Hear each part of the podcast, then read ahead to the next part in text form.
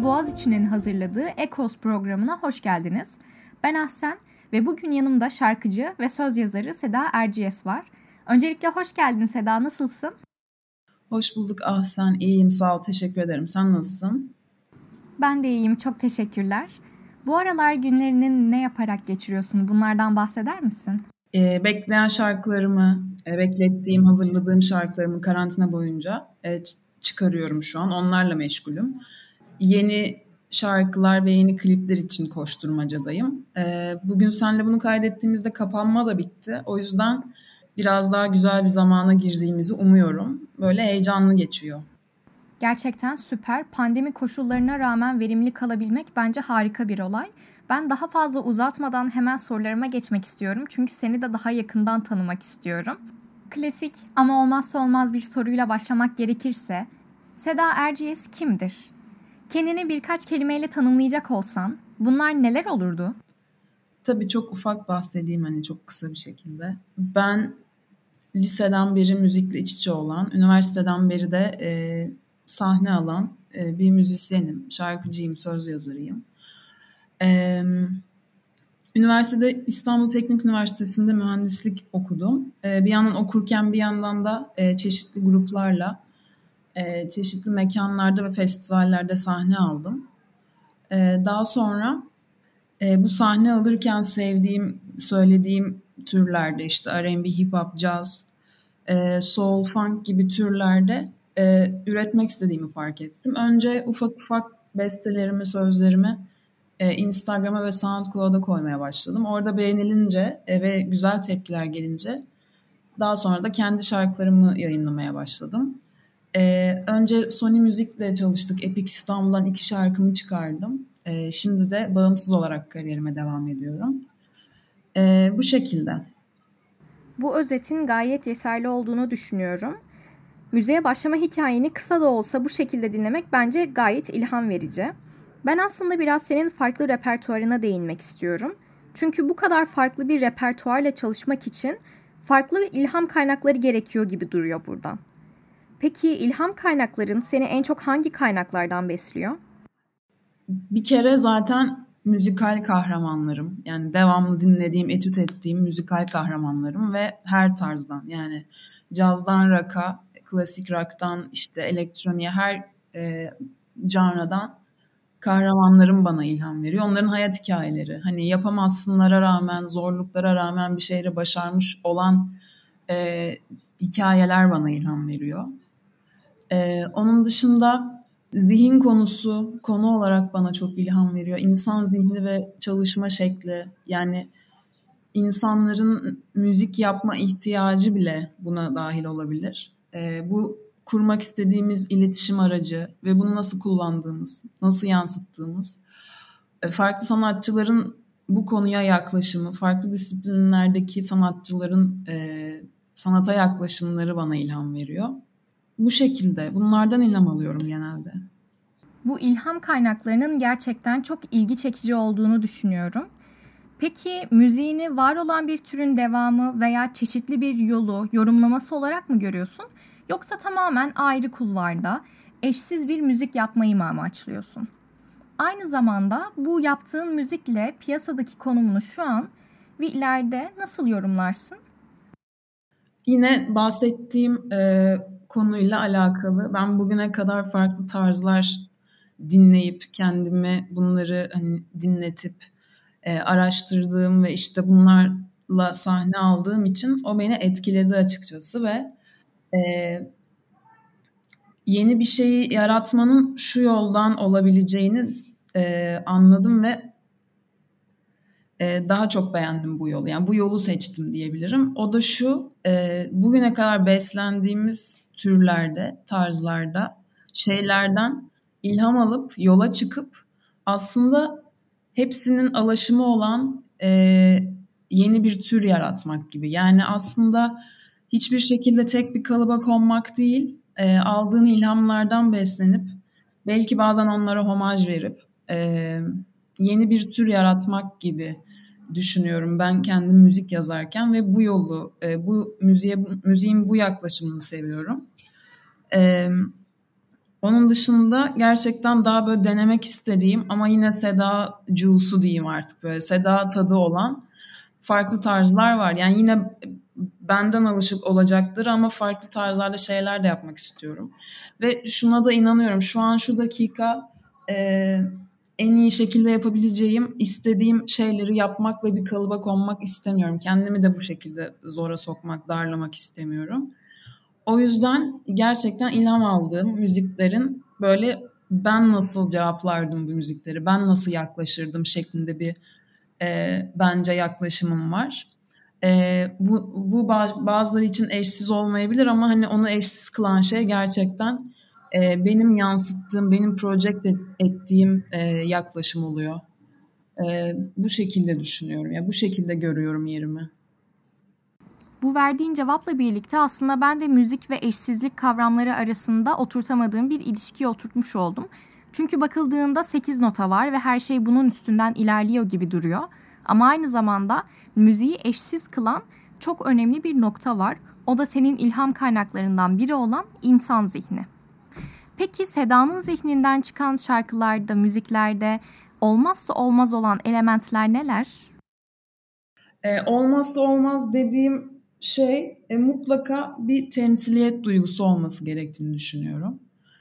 Ee, yani bir müzik e, parçası yazarken, bir sanat eseri yaparken bir sanatçı e, mutlaka birileriyle iletişime geçmek ister. Yani birileri e, onun anlatmaya çalıştığı şeyi anlasın ister açıkçası ve onun dışında da ekstra bir de bence temsiliyet e, duygusu da çok önemli.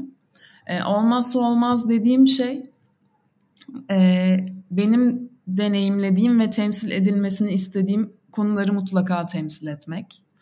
Hem atıyorum işte dış görünüş olarak olabilir bu. E, ele aldığım bir konu olabilir. Bu konuyu kimse daha önce ele almadı ve ben bu konuda bir şarkı dinlemek istiyorum ve içinde iyi hissetmek istiyorum olabilir.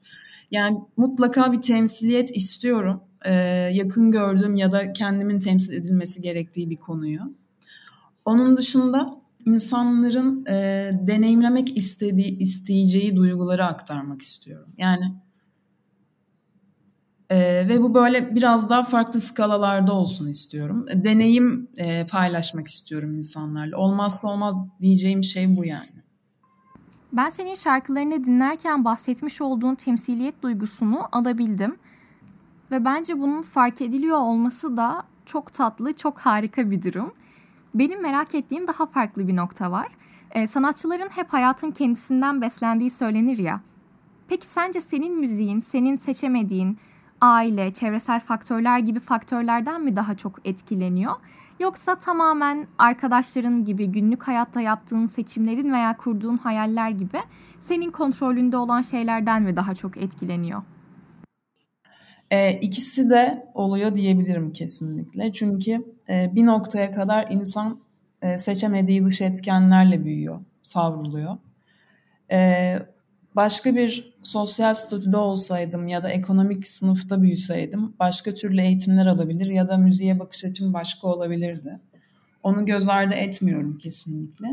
Ama bir noktadan sonra da gerçekten e, seçimlerimiz bize kalıyor. E, biz hangi kaynaktan beslenmeyi e, seçiyoruz bunlara bakıyor aslında.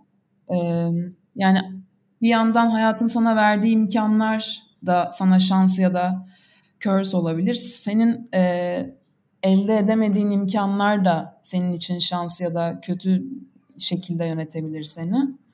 O yüzden ikisinin de etkilediğini düşünüyorum. Hı hı. Kesinlikle anlıyorum çünkü biz kendi karakterlerimizi oluştururken hem dışsal faktörlerden hem de içsel faktörlerden yararlanıyoruz. Bu yüzden sanatçıların da kendi karakterlerini sanatlarına icra etmesi kadar doğal bir durum yok. Ve senin hikayende şöyle bir değişik nokta da var bence. Mühendislik okuduktan sonra müziğe kayan birisin. Yani birbiriyle çok fazla alakası yokmuş gibi gözüken iki farklı alana da hakimsin. İki farklı alanda ilerleyiş senin için nasıl başladı ve nasıl ilerledi? Ve aslında bizim seçimimiz olan hayallerimizden de bahsetmeni isterim birazcık. Senin müzisyen olmak gibi bir hayalin var mıydı? ve hayalindeki müzik yolculuğuyla şu anki müzik yolculuğunu kıyasladığımızda farklı olan noktalar neler? E, müzik hep e, hayatımda olmasını istediğim bir şeydi ya. Yani motivasyonum o yöndeydi. E, ama müzisyen mi olacaktım yoksa e, farklı bir şekilde mi ben de hani içinde bulunacaktım? Onu kestiremedim başlarda. E, çünkü müzisyen olmak, sanatçı olmakla böyle müzik business arasındaki farkı birazcık sorguluyordum. E, ama mühendisliğe bile girerken aklımda hep bir e, müziğe nasıl e, kayabilirim hep vardı. Yani bu nasıl mesela diyelim ki atıyorum e, bir DAW için yani bir müzik yazdığım program için kod da yazabilirim de bu. Ya da akustik de tasarlayabilirim de. E, kendi sintimi yapabilirim de. E, yani böyle şeyler düşünüyordum ama sonra e, sahneye çıktıkça o sahne tozunu yuttukça dedim ki ben mutfağında kalamamışım ya da işte atıyorum e, daha teknik kısmında e, kalamayacağım. Ben kesinlikle performans e, yapmam yapmak istiyorum. Bunu tercih ediyorum. Şarkı yazmak istiyorum. Görünce işin o e, birazcık teknik mühendislik kısmından da uzaklaşmış oldum. E, ideal serüven, yani ideal bir serüven kafamda kurmadım. Ben her zaman böyle e, şey hissediyorum. Ya ben şu an müzik yapabiliyorumun o güzelliğinin farkında oluyorum. O yüzden e, yapamadığım şeyler için dövünmüyorum. Ama ideal serüven tabii ki artık yüzde yüz e, müzisyen olmak ve müzikten para kazanabilmek ve dışarının artık normale dön normale dönmesi. Benim şu an e, maddi olarak kendimi desteklediğim 9-6'da bir işim var. E, bir yazılım şirketinde. Yani ideal serüvenim artık kendimi yüzde yüz müziğe kanalize etmek olabilirdi. Ama şu an ondan biraz uzağım. Bu şekilde gelişti. Öncelikle şunu belirtmem gerekiyor ki özellikle müzik ve sanat alanında çok fazla stereotip var. Müzisyenlerin çok idealist ve sadece müzikleriyle ilgilendikleriyle alakalı. Halbuki sen sadece 9-6 bir işte çalışarak bile o kadar fazla stereotipi yıkıyorsun ki bu da aslında farklı bir temsiliyet gösteriyor bence. Ve açıkçası ben senin kendini tamamen fonlayabileceğin ve kendi müzikal kariyerini iyice yaratabileceğin zamanları görebileceğim için gerçekten çok heyecanlıyım. Ben buradan konuyu biraz da aslında yeteri kadar farkındalığımızın olduğunu düşünmediğim bir konuya getirmek istiyorum. Biliyorsun ki diğer tüm sektörlerde olduğu gibi müzik sektöründe de ataerkil bir yapı hakim ne yazık ki. Peki ataerkil yapının getirdiği baskılar dışında yaşadığın zorluklar neler oldu? Ve bu zorluklarla baş ederken ilhamını nasıl kaybetmedin? Nasıl çalışmaya ve üretmeye devam ettin? Bir sürü bir sürü anlatmam gereken şey var. Bir sürü yaşadığım şey var ama hani birkaçından bahsedeyim. Öncelikle e, bazı hala aktarılan Türk aile yapısından kaynaklı bazı öğrenilmiş yanlışlar, e, bazı toplumsal cinsiyet eşitsizliğinin getirdiği yanlışlar diyebilirim. Onun dışında her alanda olduğu gibi bence e, feminizmde de belli bir kesimin dışlanması. Burada da böyle bir e, ayrım durumu. E, son zamanlarda hani fark ettiğim bir şey o da. Yani belirli bir kalıpta giyinen, gözüken kadınların daha çok saygı görmesi e, diğer kadınların herkes tarafından bir şekilde dışlanması. Yani e, oturmamış bir e, feminizm anlayışı ya da üzerine o kadar çok konuşulmuşken hala e, tam olarak uygulanmayan e, ve tam olarak beklenen imkansız güzellik standartları, güzellik algısı, vücut algısı. E, böyle şeyler, böyle zorluklar açıkçası devamlı karşıma çıkıyor. Ee, bunlardan nasıl etkilenmiyorum, nasıl ilhamımı kaybetmiyorum? Çünkü hani bu, konu, bu konuları işlemek istiyorum. O yüzden de hani karşıma çıkması bir yandan iyi hissettiriyor. Ee, bir yandan tabii ki zorluyor ama e, bunlardan beslenmeye çalışıyorum. Çok klişe olacak ama evet yani bu konularla baş etmek istediğim için zaten bu konular karşıma çıkınca e, o deneyimi yaşadığım için daha doğru şekilde şarkılara yansıtırım diye düşünerek ilhamımı kaybetmiyorum açıkçası. Yani bir noktada müziği kendi silahın gibi, toplumu değiştirmek için bir aracın gibi kullanıyorsun da diyebilir miyiz bu noktada? evet güzel bir e, temsil olabilir. Öyle gerçekten. Süper. Aslında biz müzikten bahsettik ama en önemli kısım bence bir müzisyenin hayatında ilk single'ının çıkma serüvenidir. Ve ben senin bu hikayeni merak ediyorum. İlk single'ını çıkarırken yaşadığın heyecanı tam olarak neye benzettirdin? Ve ilk single'ının ismi olan 1050 nereden geliyor tam olarak? İlk single'ı çıkarttığımda yaşadığım heyecan e, çok başkaydı, çok özeldi gerçekten. Çünkü düşünün ki e, bir şey için, bir hedefiniz için devamlı manifestation yapıyorsunuz.